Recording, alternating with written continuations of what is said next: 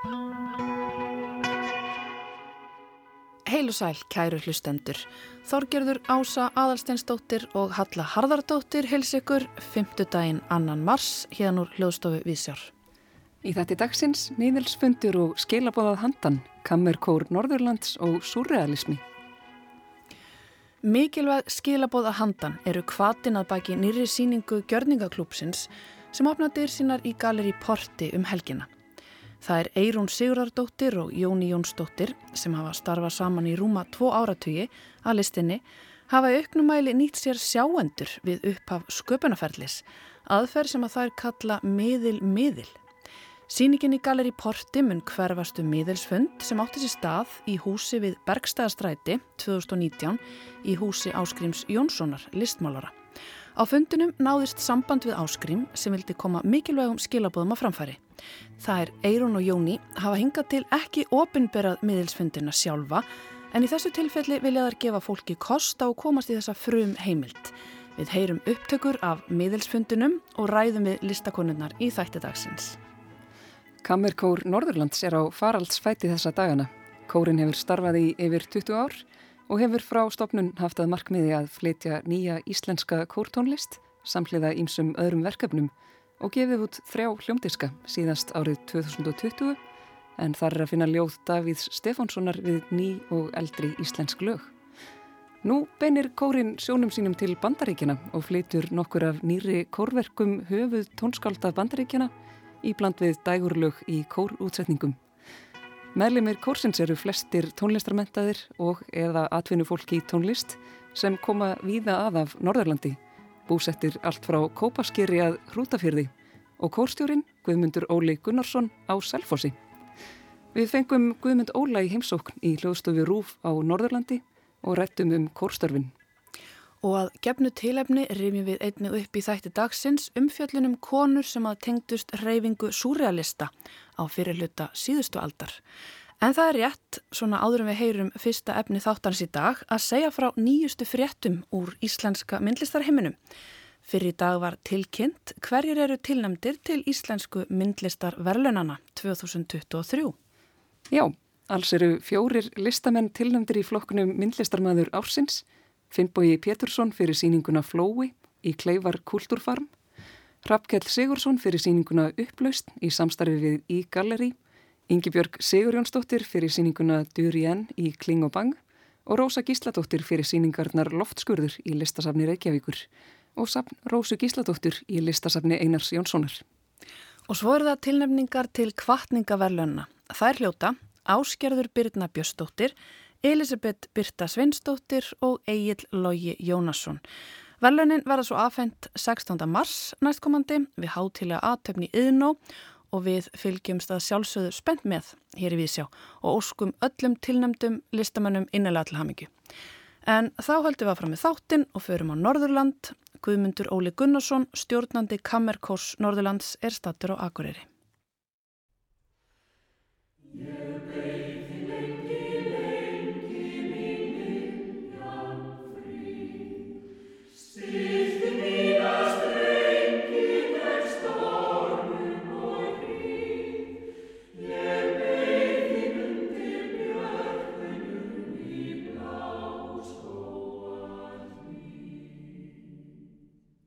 Sko kórin hann, hann verður þannig til að, að 1998 held ég að verið sem að var uh, fólk úr ímsum kórum á Norrlandi, kirkjukórum aðalega, ef ekki engungu sem að uh, hittist á söngdögum í Skálholti Já. sem að haldið var á vegum hérna, söngmálustjóra og söng þar eina helgi og, og þar var fólk að takast á eitthvað stærra og svona meira spennandi heldur en fólk fekk útráðsfyrir í sínum kirkjukórum vitt og breytt og á heimlega norður þá var einhver hlut af þessum hópi sem að fóra að ræða það hvort það verði ekki hægt að gera eitthvað fannst langt að býða fram á næsta sumar fram á næstu svona áskorun.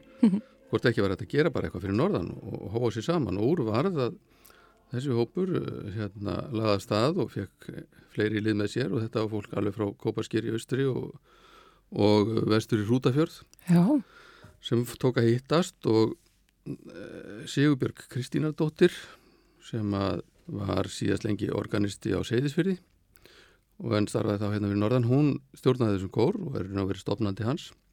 En það var árið 2000 sem að hérna, hún hafði svo samband við mig og spurði hvort ég væri til í að taka að mér að stjórna einu verkefni með þeim og seti beina dagskrá sem ég gerði einn veturinn og síðan hef ég nú verið að vinna með þessum hópi.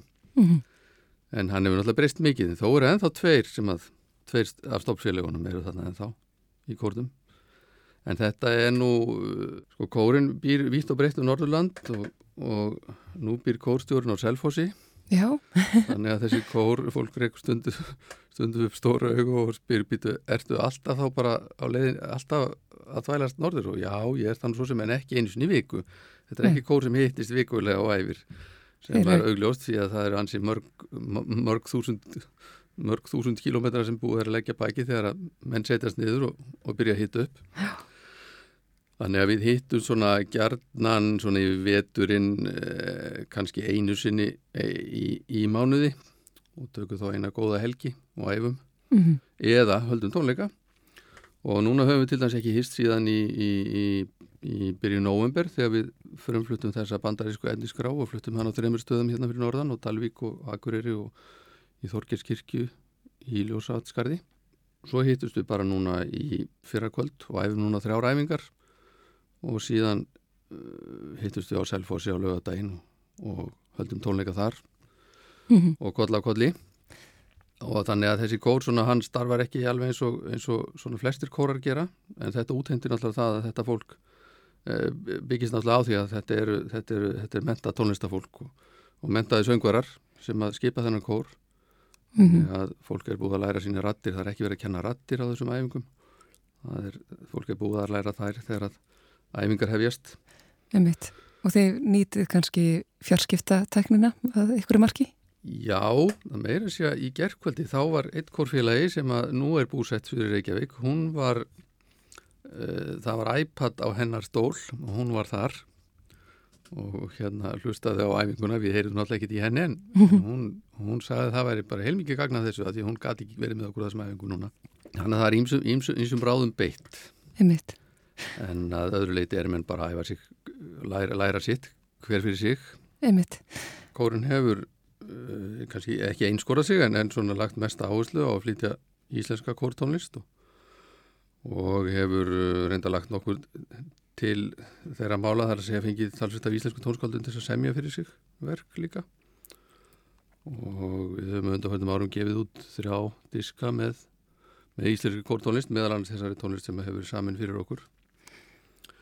En uh, ekki þar fyrir kórun hefur tekið þátt í allskins verkefnum með ímsum og komið að allskins tónlist. Já. en sem sagt, já, nú langaði okkur bara aðeins að brjóta þetta upp hjá okkur og, og hérna leita eitthvað annað og það var svona farið að horfi kringu sig og, og niðurstaðan var þessi að einskora sig við bandariska kórtónlist þar er, var mikið af, af tónlist sem að við hefum nú snert á einhverju að þessu áður en, en uh, já, fannst þetta spennandi og það er mikið af, af svona glæsilegri kórtónlist sem hefur verið, verið samið þar á undarhörnum árum og áratugum sem er langað að Eins, eins og hvað? takast á við.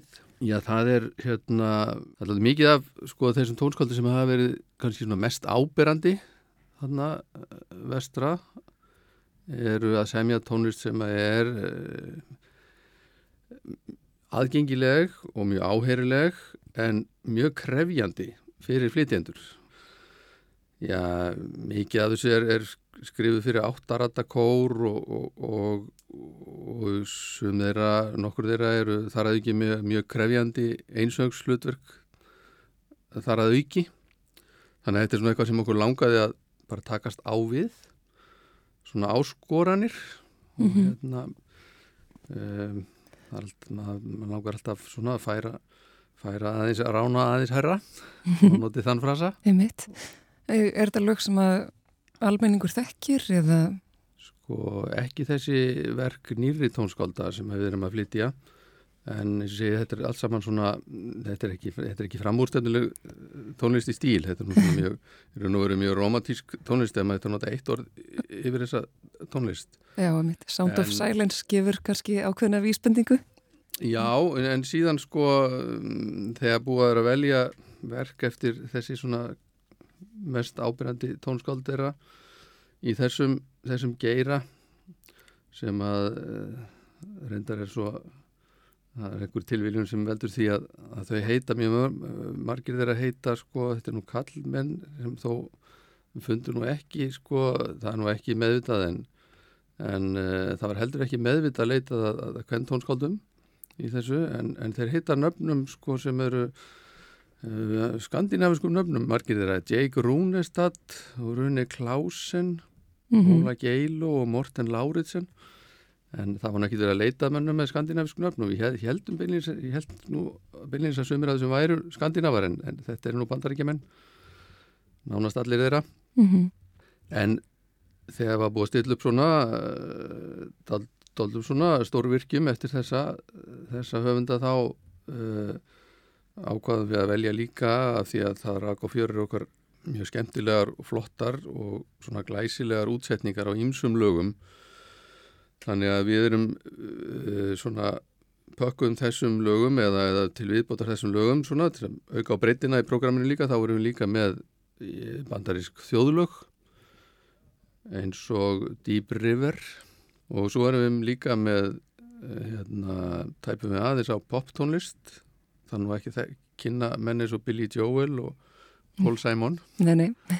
En uh, það eru þarna útsetningar mjög flottar kór útsetningar mjög flottar en ekki síður krefjandi heldur en, heldur en frumsamda músikinn sem við erum með þarna í bland við, við þessa nýri tónlist Umheit, já þannig að þið verðum með frumsamda tónlist líka Já, frumsa, ekki frumsamda, sko, við erum ekki frum, frumflýtinnitt en þessar útset, eldri útsetningar eða útsetningar á eldri lögum annars vegar og hins vegar músik sem er bara samin sem kórtónlist af þessum tónskaldum Umheit Núlífandi tónskaldum En þú nendir áðan að þið hafið á fyrir árum verið að flytja verk sem veru sérstaklega saman fyrir þannan kór.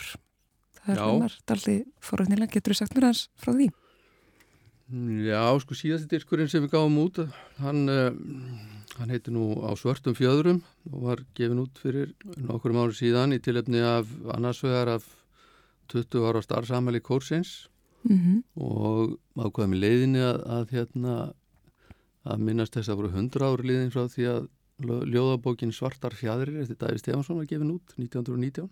Þannig að þeim diski er, er eh, tónlist við ljóðu Davís nánast öll úr Svartum fjöðrum og við fengum nokkur tónskaldir að semja fyrir okkur meðal annars um, Sandi Hjálmar Ragnarsson mjög flott stykki og þetta er svona stórt stykki við, við kannski þekktasta kvæðið Mamma ætlar að sopna úr svörtum fjöðrum.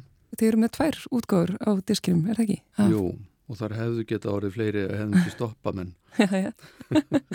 Nei, það stefnir við það. Nei, hérna, já, það er hérna lag eftir móðu mína sem að hafi ekki áður verið gefið út við þennan texta. Guðrún Jóð Þorsteinsdóttir hétt hún, píjánuleikari. Mm. En þið sleppið þessu þekktasta lagi. Já, á þessi tvö. Þannig þið verður fyrst á Selfossi og síðan í Reykjavík á sunnudagin, lögadagin, sunnudagin? Á lögadagin erum við í Selfosskirkju kl. 16, núna lögadagin fjörða og svo sunnudagin 5. Sunnudagin næstkomanda verðum við í, í Guðriðakirkju í Gravarhaldi í Reykjavík mm -hmm. og síðan að tveimur vikumliðunum þá förum við austur á Egilstaði og höldum tónleika þar á lögardegi og á sunnudeginu 19. mars verðum við síðan í, í Eskifjaraðkirkju eða tónlistar miðstöðu Östurlands. Einmitt. Og svo ætlum við nú að loka hringnum með því að halda loks aðra tónleika hér á Akureyri 25. mars. Þá er, þá er hringnum lokað. Já, einmitt. Ég segi bara góða ferð og gangið vel og bestu kveðir Norður. Takk fyrir spjallið Guðmundur Óli Gunnarsson, kórstjóri Kammerkórs Norðurlands. Já, takk sem leiðis. Takk fyrir.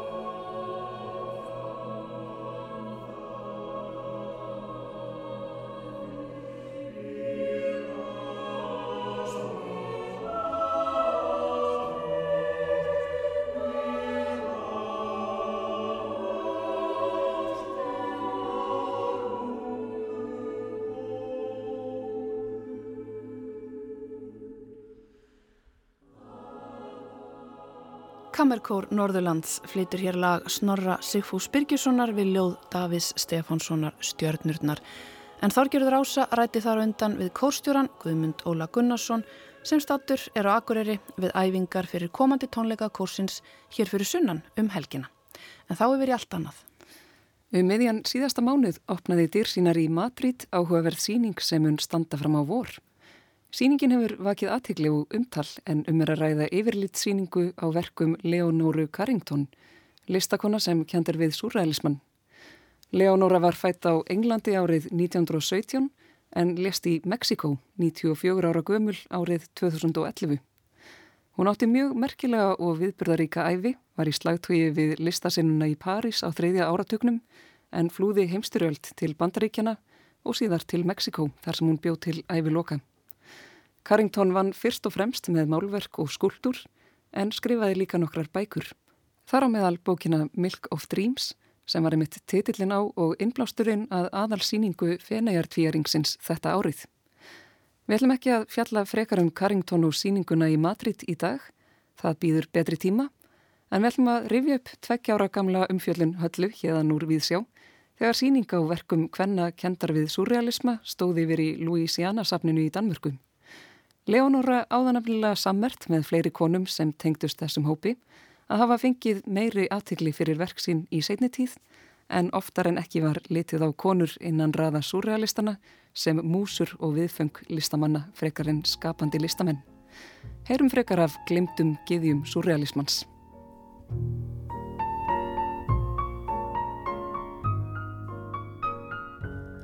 Síðasti pistil skólaði okkur á land í einangruðu þorpi norðarlega í Katalóni. Þorpinu Cataques, þar sem að Salvador Dali hafði komið sér fyrir með ástkonu sinni, Gölu Eluard, síðar Gölu Dali. Við vorum stödd þar við lok þriði áratugar síðustu aldar þegar Dali hafði ferðast til Parísar og kynst þar einsta kjarnar framúrstefnulistamanna sem að kendi sig við surrealisma.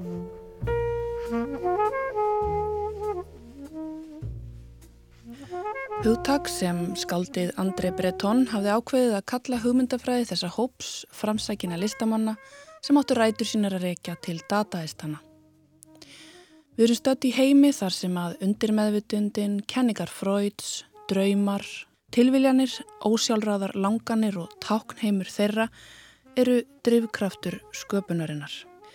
Raunveruleikin er ekki veruleikin. Veruleikin er æðri, dýbri og sannari en það. Hann er yfir raunveruleikan hafinn.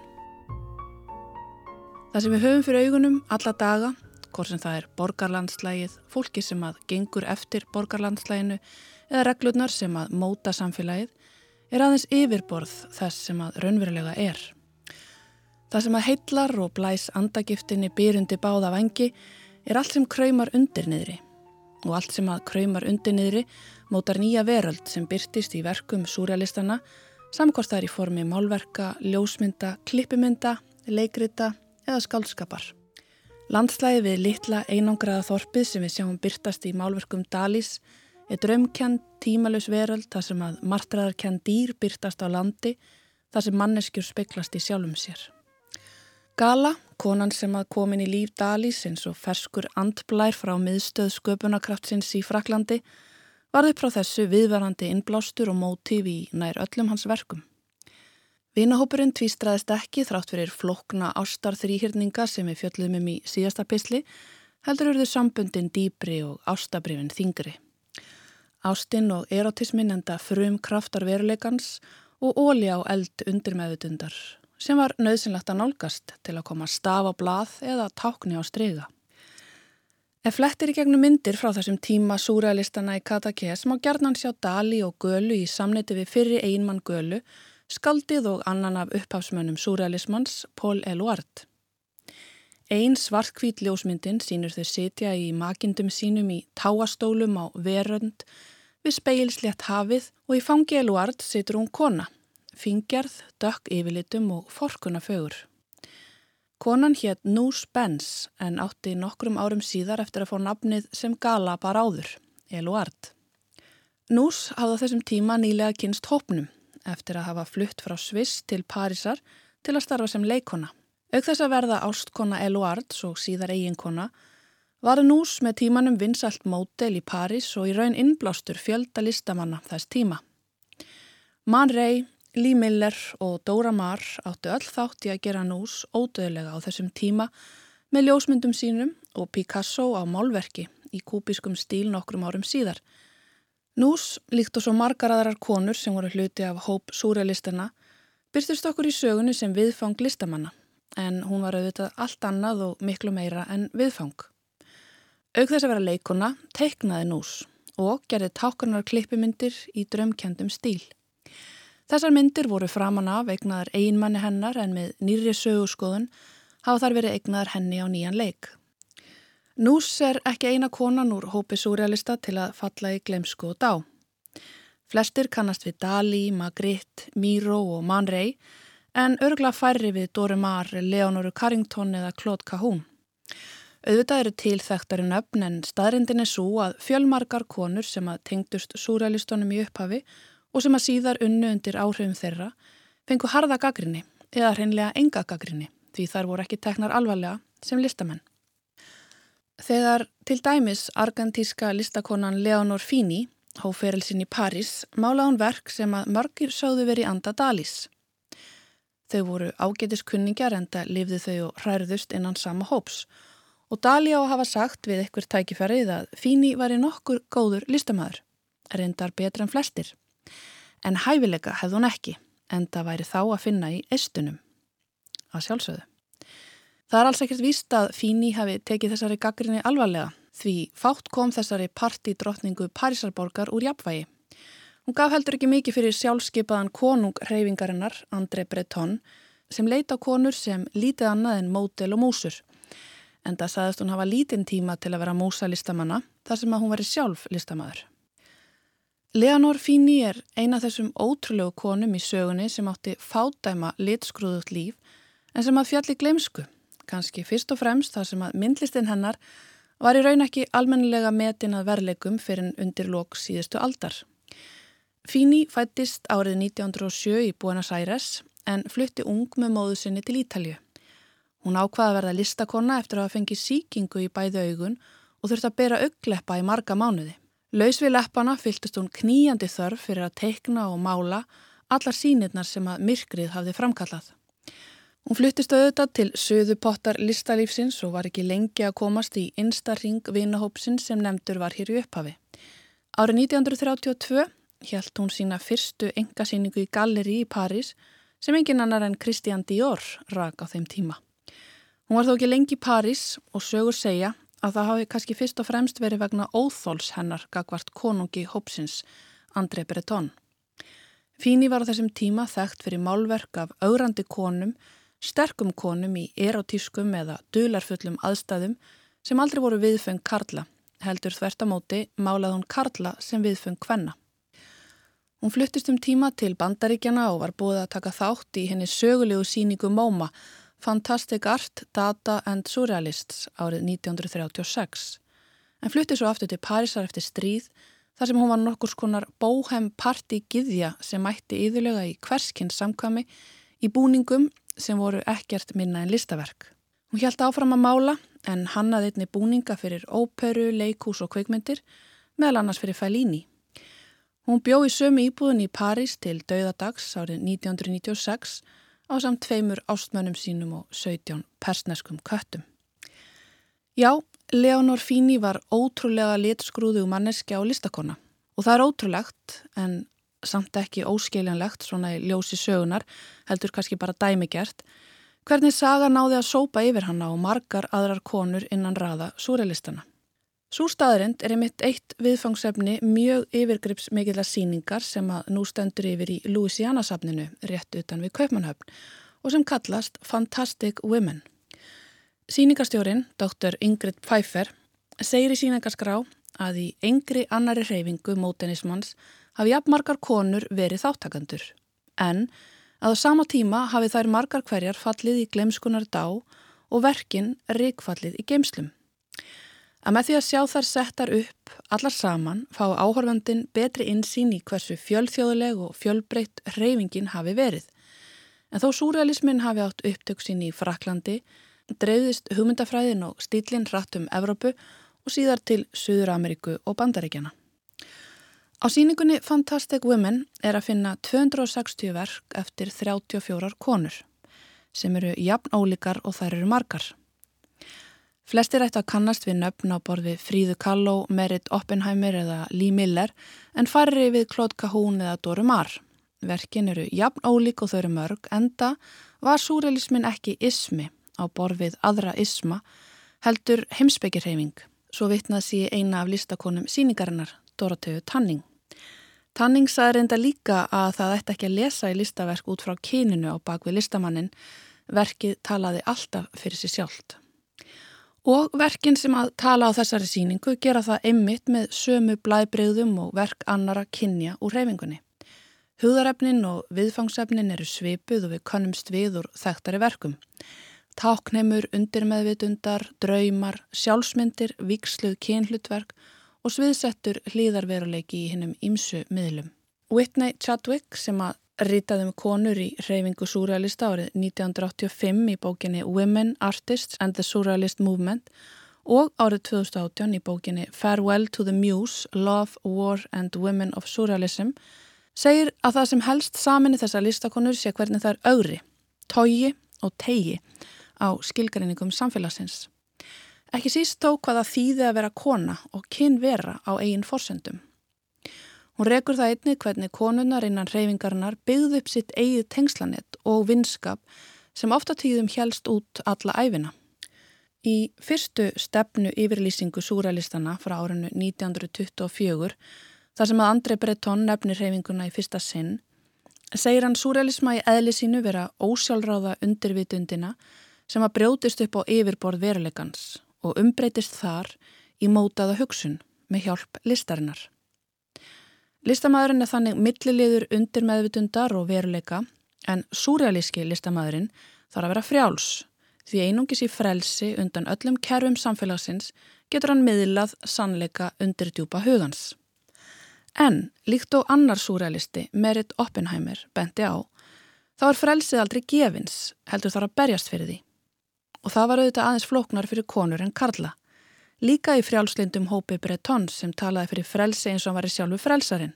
Því þrátt fyrir að segjast ekki hlýðan einum skilgreiningum veruleikan sem við lifum við, þá voru skýra línur á milli kynjana í hans huga.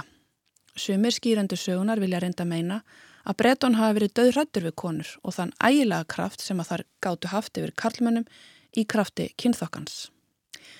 Í setni stefnu yfirlýsingu hreyfingarinnar sem að Breton ritaði árið 1929 segir hann meðal annars að konan sé ákveði vandamál og að vandamáli með konuna sé það undursamlegasta í veröldinni en einnig það mest tröflandi.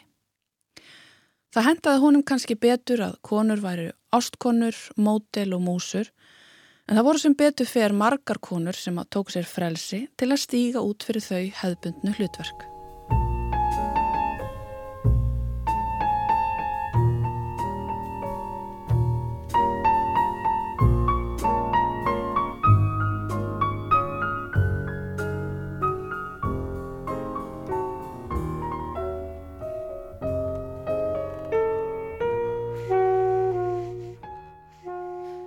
Við rifjum hér upp pistil höllu um konur kendar við surrealisma. Þá reytaður í tilefni af yfirlitsýningu í Louisiana-safninu. Tilefni núna, nú stendur yfir stór yfirlitsýning á verkum einnar slíkrar, Leonóru Carrington, sem hefur vakið mikla aðtikli. Sýningin opnaði síðustu helgi í Fundación Mapfre í Madrid og stendur yfir fram í mæ. Fyrir þau ykkar sem hafið tök á að kíkja, við hinn getum bara látið okkur dreyma og skoðað myndirnar á netinu. Já, alltaf gott að láta sér dreyma og líka yfir í önnur lönd og jafnvel yfir í aðrar vittir en það áttu súrealistarnir einmitt til að gera og það ætlum við nú að gera. Við höldum á miðilsfund.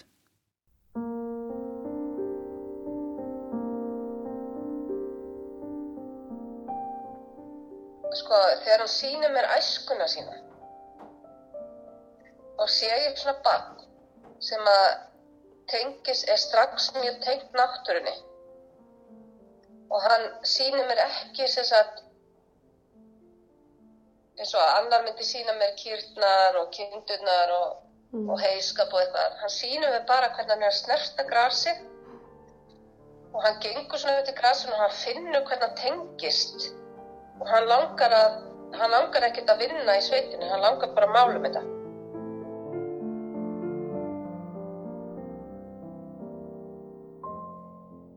Hér heyrum við miðil lýsa sín áskrims Jónssonar listmálara á æsku sína. Upptakan er frá árinu 2019, tekin á miðilsfundi sem fór fram í húsi áskrims við Bergstæðastræti í Reykjavík. Fundurinn var hluti af undirbúningi fyrir engasýningu gjörningaklúpsins Vatn og blóð sem framfór á listasafni Íslands sama ár og sem var unnin út frá áskrimi og list hans. Þetta er í fyrsta sinn sem þessi upptaka heyrist í almannaríminu en hinga til hefur hún einungis verið notuð sem vinnutæki þeirra Jóníar Jónsdóttur og Eirunar Sigurðardóttur við listsköpun þeirra undir nafni Gjörningaklúpsins. En Gjörningaklúpurinn hefur á síðustu árum nýtt sér sjáendur við upphaf sköpunarferðlis, aðferð sem að þær kalla miðil-miðil. Hann hefur enga þörf fyrir eins og þetta með nakkin á hann, hann bara fussaði. Við heldum að það kæm eitthvað svo svakalega mikið í gegnum svona hluti. hluti. En það er bara listin aðalega sem að hann greinilega vil tala um. En hvað þá með, Hann er, hann, tröll, en hvað með svona tröllatímabili hjá hannum og, og svona huldufólk og er eitthvað sem hann vil segja okkur samt við það? hann vil segja, hann segir bara eitt núna. Hann segir það að það er engin einn í þessari veröld. Gjörningaklúpurinn opnar síninguna skilaboð að handan í Galleri Port næstkomandi laugardag, 4. mars á fæðingardegi áskrims Jónssonar listmálara. Þessi síning mun hverfast um fyrirnemdan miðilsfund þar sem að samband náðist við áskrim og skilaboð hans til listamanna. Það er Eirún og Jóni sem að saman mynda gjörningaklúpin hafa hingað til ekki opimberað miðilsfundina sjálfa en í þessu tilfelli vilja þær gefa fólki, ekki síst listafólki, kost á að komast í þessa frum heimild. Hann vil bara, í raun og veru, vil hann bara tala um það sem að þið eru að gera Já. Mm. og, og almennt með ástand listsköpunar á Íslandi. Vá. Ok. Hann kemur sér bara beint að efninu. Ha, Hann kemur sér bara beint að efninu. já, hann er mjög ánægð með margt. Mm. Hann er aftur á móti ekki jafn ánægð með, með svona, hann segir sko að það er svo stutt á milli þess að skapa frá hjartanu og missa tökin á því sem þú ert að gera.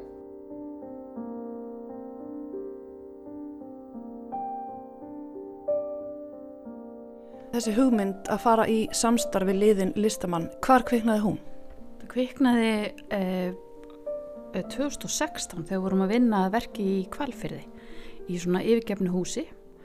Og þá vil datt okkur í hug að fá hérna miðil til að vera með okkur í upphafi til þess að fá að vita eitthvað um sögu svæðisins sem staði, já. Og hérna þetta er aðferð sem við kallum miðil, miðil það er í rauninni að fá uh, miðil með okkur á upphafstegum hvers verks. Þannig að miðilinn er kannski fyrsta varðan er hægt að segja á, í ferlinu. Og það er, þetta er bara semst verkfæri.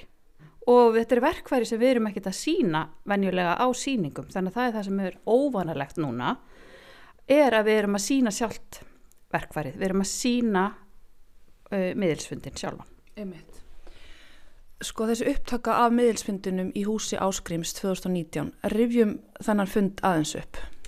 Já, þetta var, var þannig að við fengum til okkar hérna Bibbu, Brynju Magnúsdóttur Lingdal sem er hérna miðillin okkar og var með okkur þarna í um, kvalfyrði 2016 og við okkur langaði til þess að aðtuga hvort að um, einhver andi eða eitthvað kæmi fram sem að uh, gæfa okkur einhverja kannski upplýsingar eða nýja sín á áskrim sem eitthvað sem er ekki til í eða sé, sé- sést ekki endilega í myndlistin hans eða í sög, sagt um hann í sögubókum. Hvort það væri eitthvað nýtt sem kemur fram. Hún spenntar svona að svona aðeins að garfi því. Og, og líka svona hann um, þá eru listakonur sem er byggu um, í nágrinni við hann hvort það væri, hefði verið einhver samgangur eitthvað svona spennandi hverstarslegt kannski ekki bara svona mistarinn eitthvað svona já, eitthvað svona persónlegt sem kemur fram og hérna þannig að við vorum hérna í húsinu hans á Berstaðastrætinu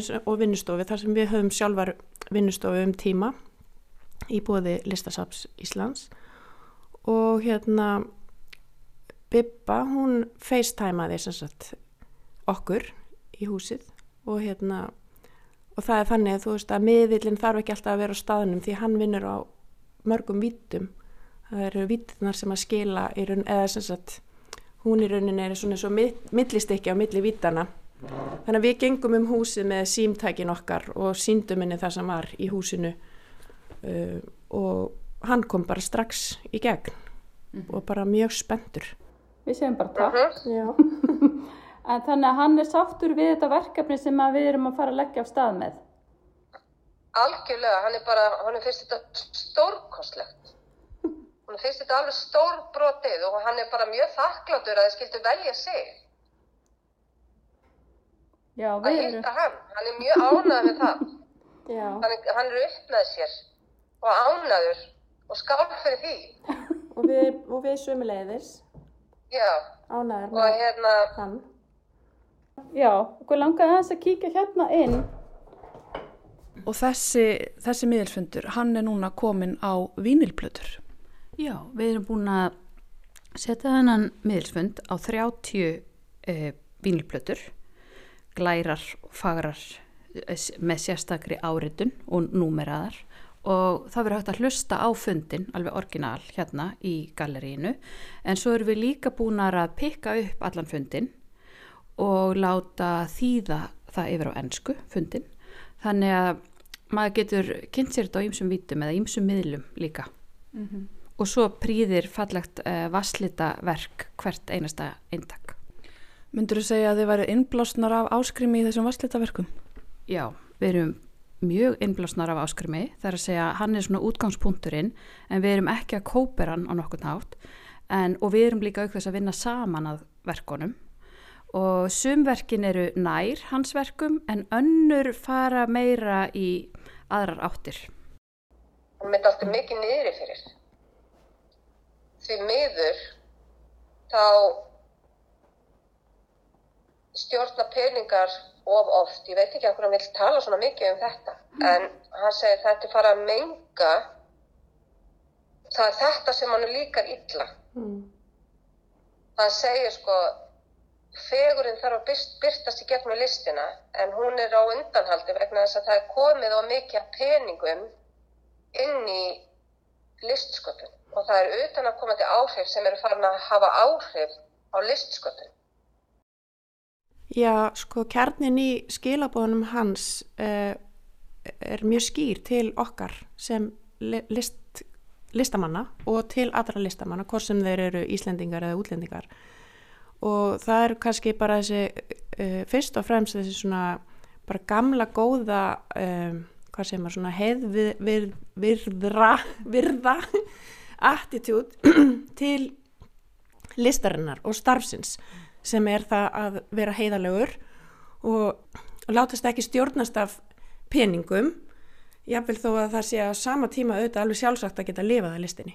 Mm. Hann var fyrsti listamæðurinn sem að uh, talið er að hafi verið starfað einungi sem myndlistamæður á Íslandi og var í rauninni uh, kvæntur svolítið bara myndlistinni og hans skilabóðu eru bara mjög falleg en mjög pólitísk og mikilvæg til okkar og til listamanna.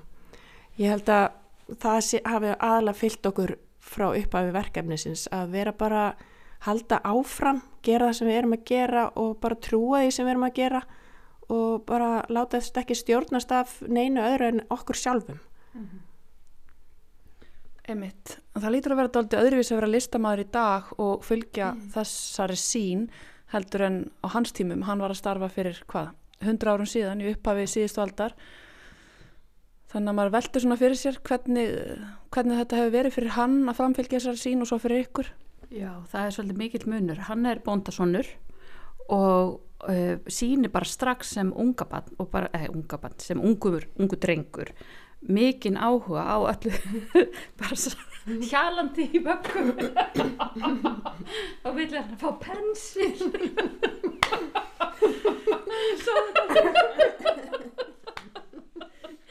Á þessum tímapunkti í samtala okkar Eirunar og Jónjar fengum við allar hláturskast því að þessi sín, myndin af áskrimi Jónsinni í vöggu að sína merkjum snilligáfu, var bara ofindin. Kanski hefði hún ekki þótt í appfindin á síðustu öld þegar trúin á meðfætta snilligáfu var sterk. En hvaðan um það? Við fengum okkur annan kaffesopa og reyndum að gleima þessari mynd af unga barni með pensla í vöggu. Og Eirún tók aftur upp þráðinn og saði mér meðal annars frá því hvar þær Jóni fundu tenginguna við áskrim. Ok, taka tvö. Já. Hann síndi það strax bara sem ungu piltur, eh, bóndasónur eh, á Suðurlandinu, að hann neyðist bara mjög til alls sjónræns. Og sem, fyrst var hann að vinna bara með held ég kól og eitthvað, bara, það varði alltaf einhverju svona myndar ennum heimi. Og það var mjög tengdu náttúrunni eins og fólk var á þessum tíma þetta miklu, miklu tengdara. Bjó bara líka við inn í náttúrunni. Við Jóni byggum ekki inn í náttúrunni. Eða þú veist við ekki í torf, torfbæ. En við, það sem við finnum samt ímsar sko ímslegt svona sameigilegt með honum auðvitað það að vera frumkvöðl og vera að reyna Uh, bara, já, eins og hann var að gera bara berjast til menta og hann var svo heppin að þegar hann var ungu piltur þá var hann ráðinn uh, hérna til starfa uh, hús, í húsið á Eirabakka og þar fekk hann sína fyrstu vassliti og kynntist klassískri tónlist. Það var svona, þetta var mekka menningarinnar var í húsinu á Eirabakka, svona þessi íslensk danska -hmm. menning og já, svo sildi hann til kaupmannahafna setna þegar hann var búin að vinna sér inn vinna, þú veist, á, á bát og eitthvað svona, sjómaður eitthvað barðist til menta, við barðumst á okkar hátt til menta, mm. við erum ekki við erum ekki nefn og krakkar við erum nei, þú veist, við erum komnar af hérna, þú veist, smiður og leikskólakennari og já, málari og bara verkakona og, en þú veist, svo eigum við samt sem aður líka svona sam svörun eða hvað maður segja svona skildleika til hans bara í gegnum um, til dæmis ég, ég ólst upp í Skíðadal sem er þú veist á Bóndabæ eins og hann uh, ólst upp á eða þannig þó ég hef ekki einmitt verið í hérna, torfhúsi. En hann málaði Skíðadalinn mjög mikið og var mjög hrifin að Skíðadalinn og Eirun á síðan rætur. Já, ég var rætur fyrir austan svona óskildarætur eða þú veist, ég á engin ættmenni ég aðflutta rætur hjá höfni hótnafyrði af með maður prestur í Bjarnanissi og hérna, en hann málaði mikið í Nesjarsveitinni líka, Jöklana, þetta er náttúrulega svo fagurst þarna í hótnafyrði já, þannig að við finnum líka tengingu þannig með stað og bara þessa óbyrlandi trú og þrá eftir að skapa og vera í þessu myndranna heimi og miðla því Einmitt. En ef við veltum okkur aðeins fyrir okkur sko starfi og umhverf listamannsins í dag og þá, og svo eru þið auðvitað konur já, sem hlýtur inn í. Einmitt, jú, það er mjög, mjög ólíkt. Ég held að sé bara eiginlega ekkert hægt að bera það eitthvað saman. Það segja kannski að hann hefur eitt mjög litlum tíma til dæmis á Facebook eða Instagram en það er farið að vera svolítið stór hluti af starfi myndlistamannsins og að svara e-mailum og eitthvað svona. En hann hefur auðvitað þurft að vera í samskiptum líka en tíminn leið bara einhvern veginn hægara og maður gæti kannski, þú veist, það að fara austur eða fara norður á hestbakki það er að, aðeins annað tímaskinn heldur en að bruna í flugvél einhvert. Það er bara ekki tægt að bera þetta saman en þú veist, það er bara andin sem að og sköpunarkrafturinn sem að er sá, sami held ég. Mm -hmm. Það er eina sem að er hægt að segja að sé svona á sama leveli Mm. Og hann segir sko að sá sem að er listamæður,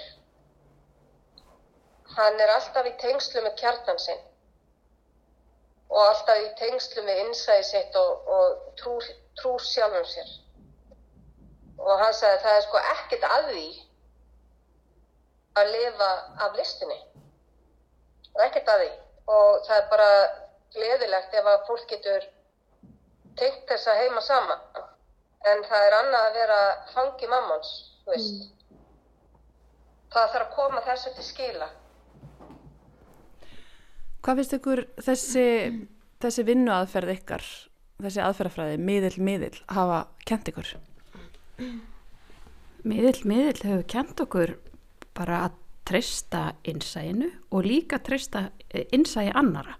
Að því að ég er til dæmis, og við Jóni erum ekki sjá, sjáendur, þó við séum næmar, ég held að flestir e, listamenn tengi við það að vera á einhvern hátt næmir eða vera að virka einhver ákveðna næmni hjá sér.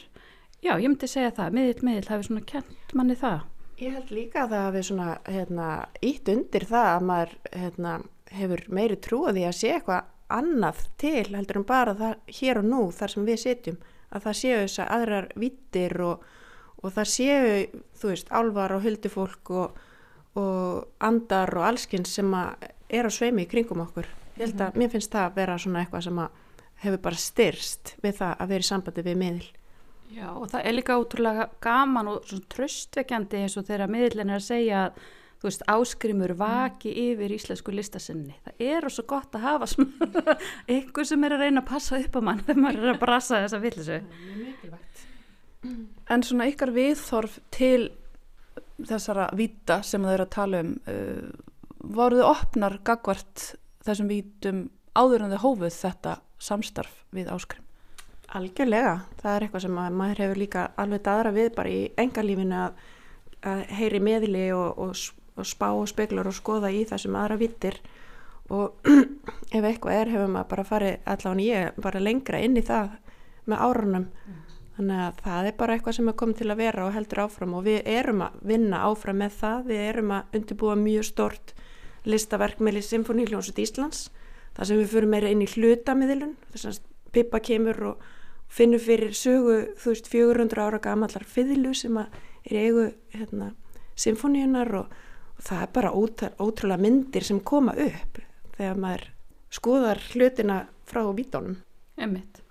En við erum ekkert að raðgera að gefa þann fundendilega út á, á plötu.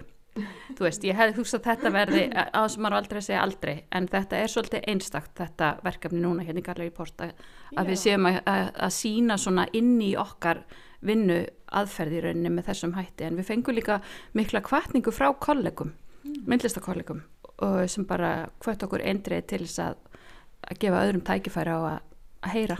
Mm -hmm. Já, það er kannski líka aðalega því að það eru svo opbúslega skýr skilabúðin sem að komi þarna fram á þessum fundi sem að eiga, eiga að koma, fara út fyrir okkar mengi.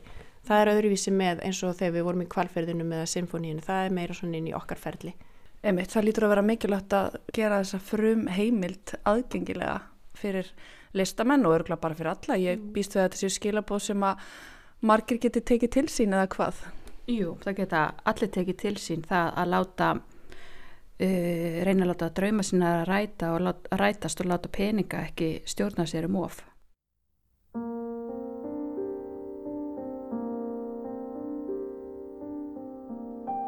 Já, ok þegar listin hættir að hafa tilgang sem sagt listamadurinn hættir að geta sagt það sem hann langar að segja þá vegna þess að listin er sprottin af afli sem fæður okkur. Þið skiljið það? Og þegar að það hættir að hafa tilgang þá hættir listin að vera til. Og hún er orðin markaruð að mörguleiti af veraldlegum uh, átróningi, eins og hann segir. Um, það þurfa allir að lifa, en það er ekki hægt að verðmeta list. Hún verður að fá að vera hún sjálf. Já, það er ekki hægt að verðmeta list, hún verður að fá að vera hún sjálf. Orð sem að komi fram á miðilsfundi í húsi Áskrims Jónssonar Málara við Bergstæðastræti 74 árið 2019 skilabóð frá Áskrimi sjálfum sem gjörningaklúpurinn miðlar áfram til okkar. Orð sem hægt er að nálgast á hljómplötu, pakkaða inn í vasslitað plötuumslag og orð sem að munu hljóma á síningu sem opnar dyr sínar í Galeri Porti nú um helgina. Og þessum orðum ljúkum við við sjá í dag og þessa vikuna. Við minnum á úrval úr þáttum vikunar í línulegri dagskrá á sunnudag og hægt er að nálgast alla þætti í spilararúf. Takk fyrir að hlusta og veriði sæl. Veriði sæl.